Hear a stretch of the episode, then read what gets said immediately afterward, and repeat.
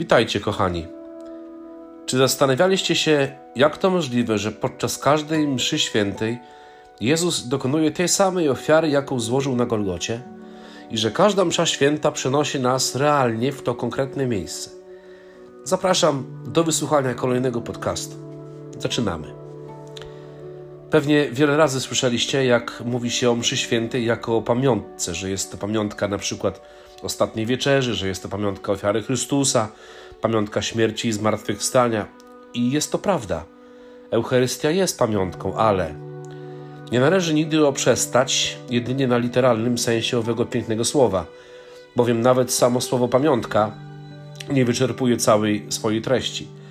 Zawiera w sobie o wiele głębsze przesłanie.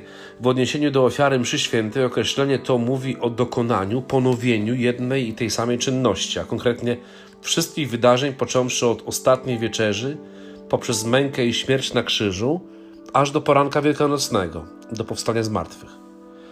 Dlatego tak potrzebne jest i ważne określenie Eucharystii jako ofiary, czyli dzieła, którego dokonał nasz Pan, Jezus Chrystus. Jako pierwszy bowiem i jednocześnie ostatni złożył jedną, doskonałą ofiarę. Według słów świętego Pawła z listu do Hebrajczyków, gdzie pisze: To bowiem uczynił raz na zawsze, oferując samego siebie. Od tej pory składamy tą samą, choć dla nas bezkrwawą ofiarę Bogu, ofiarując nie, jak pisze święty Paweł, krew cielców i kozłów albo innych płodów ziemi, ale chleb i wino. Tak jak nas nauczył Chrystus. A więc każda msza święta jest przede wszystkim ofiarą. Po co o tym dziś mówię? Nie chodzi tu o samą semantykę, ale po pierwsze dlatego, że zbyt rzadko sobie to uświadamiamy i samo używanie pojęcia pamiątki w odniesieniu do Eucharystii obniża jej wartość i istotę. A po drugie, od chwili, kiedy wspominaliśmy fakt w niebowstąpienia Chrystusa, liturgia Kościoła przesuwa nieco akcenty i zwróćcie uwagę, że tak jak apostołowie wówczas, tak i my teraz nie spotykamy już Chrystusa zmartwychwstałego w widzialnej ludzkiej postaci, który po swym zmartwychwstaniu jadł i pił z nimi, y, ale widzimy go i wyznajemy obecnego w Eucharystii, w chlebie i w winie. Spotykamy go już nie nad jeziorem galilejskim, nie w wieczerniku, nie po drodze do Emaus, ale w chlebie aniołów, obecnego realnie tu i teraz. Zawsze, ilekroć kapłan wypowiada na ołtarzu słowa: Bierzcie i jedźcie, to jest ciało moje. Dokonuje się wówczas to, co, co podczas y, wieczerzy i na Golgocie i trwa na wieki.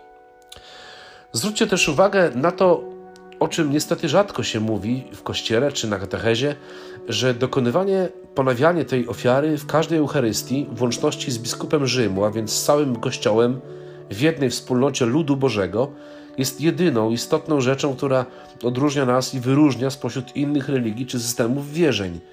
Na uwagę szczególną zasługuje fakt, iż ofiara mszy świętej wyróżnia nas, katolików, z całego szeroko pojętego chrześcijaństwa – bo co z tego, nawiasem mówiąc, że również i Kościół Wschodni wyznaje tą samą wiarę w Eucharystię i jest wierny nauczaniu apostołów, kiedy dokonuje jej bez łączności z Rzymem. Bo co z tego, że najbardziej pobożni i głęboko wierzący Anglikanie z wielkim nabożeństwem sprawują Eucharystię, nie mając jednocześnie sukcesji apostolskiej? To dlatego w Kościele katolickim jest tak, jak to podkreślił bardzo wyraźnie i odważnie papież Benedykt XVI, pełnia objawienia i odkupienia. Prawda o tym powinna nas nie tylko budować, wzmacniać naszą wiarę i pobożność eucharystyczną, ale i też przynaglać do obrony mszy świętej, istoty naszego trwania przy Bogu, pośród wszystkich innych dóbr i cnót, jedynej wartości, za którą warto oddać nawet życie. Życzę Wam, kochani, ciągłego pochylania się nad tą tajemnicą, przylgnięcia do niej i rozważania, szczególnie w najbliższym czasie, gdy już za tydzień wyjdziemy z prawdziwym ciałem Chrystusa na nasze ulice. Pozdrawiam wszystkich serdecznie, ksiądz Piotr.